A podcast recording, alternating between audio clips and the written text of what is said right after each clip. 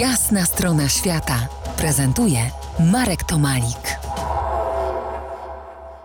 Moim gościem Kazimierz Szeliga, przewodnik w sztolni Czarnego Pstrąga, wpisanej na listę Światowego Dziedzictwa UNESCO. Jesteśmy na Śląsku, w Tarnowskich Górach, 20 km od Katowic, ale nie na powierzchni, tylko 30 metrów pod ziemią. Sztolnie, czyli podziemne kanały wypełnione częściowo wodą, są stare. Jak stare? No trudno określać to dokładnie w latach, ponieważ one powstawały na przestrzeni wielu, można powiedzieć, wieków. Natomiast pierwsza nasza sztolnia to już powiedzmy druga połowa wieku XVI. Dzisiaj po niej no, raczej nie znajdziemy już śladów.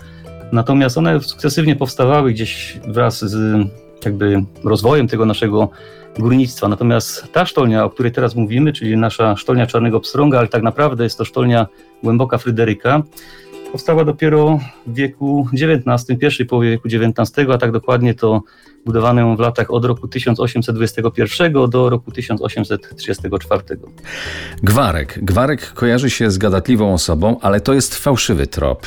W jaki sposób górnicy po pokonali siły natury i kim jest Gwarek, czy kim był? Gwarek to tak naprawdę taki właściciel kopalni, można powiedzieć. Górnik to człowiek, który pracuje pod ziemią. Gwarek raczej kojarzony jest z kimś, kto miał pozwolenie na wydobycie był jakby właścicielem tego, tej swojej kopalni, szybu.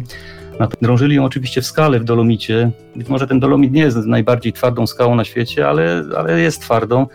I ówcześnie no, trzeba było sporo wysiłku, żeby wydrążyć ten chodnik, dotrzeć nim do kopań, bo musimy wziąć pod uwagę to, że sztolnia zaczyna się poza miastem, w Dolinie Dramy, natomiast sięga aż no, blisko centrum, czyli ma w sumie 4600 metrów części podziemnej.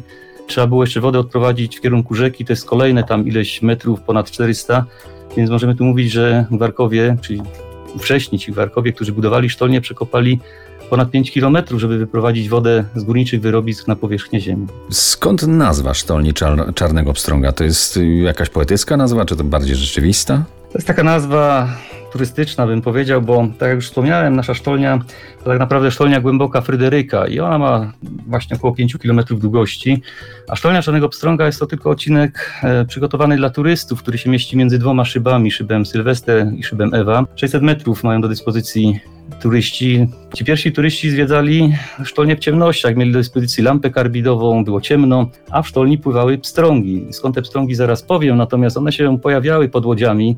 Ludzie patrząc wodę, no mieli wrażenie, że one w tych ciemnościach są czarne. I zaczęło się to kojarzyć z tym czarnym pstrągiem i taka nazwa się przyjęła, funkcjonuje nam do dziś. No jest jeszcze jedna nazwa. Sztolnia nazywana jest również podziemną Wenecją. Jest coś na rzeczy? No to się może kojarzyć, to jest taka bardziej marketingowa nazwa w tej chwili, żeby ludzie kojarzyli o co chodzi, bo kiedy się mówi sztolnia czarnego pstrąga, nie każdy wie co to sztolnia, dlaczego czarny pstrąg. Natomiast ta podziemna Wenecja, no wszyscy wiemy co to Wenecja, więc bardziej można powiedzmy wytłumaczyć to w szybki sposób tym, którzy w ogóle nie mieli kiedyś żadnej styczności z naszą sztolnią, nie wiedzą o co chodzi, więc skojarzą to z wodą, z łodziami, z przepływem dla turystów. Sztolnia Czarnego Pstrąga jest jedyną w Polsce wciąż działającą sztolnią odwadniającą i stanowi jeden z najdłuższych w Europie podziemnych przepływów łodziami. Turystyczna gratka jest to w skali, bym powiedział, kontynentalnej. Do rozmowy wrócimy za kilkanaście minut. Zostańcie z nami. To jest jasna strona świata w RMS Classic.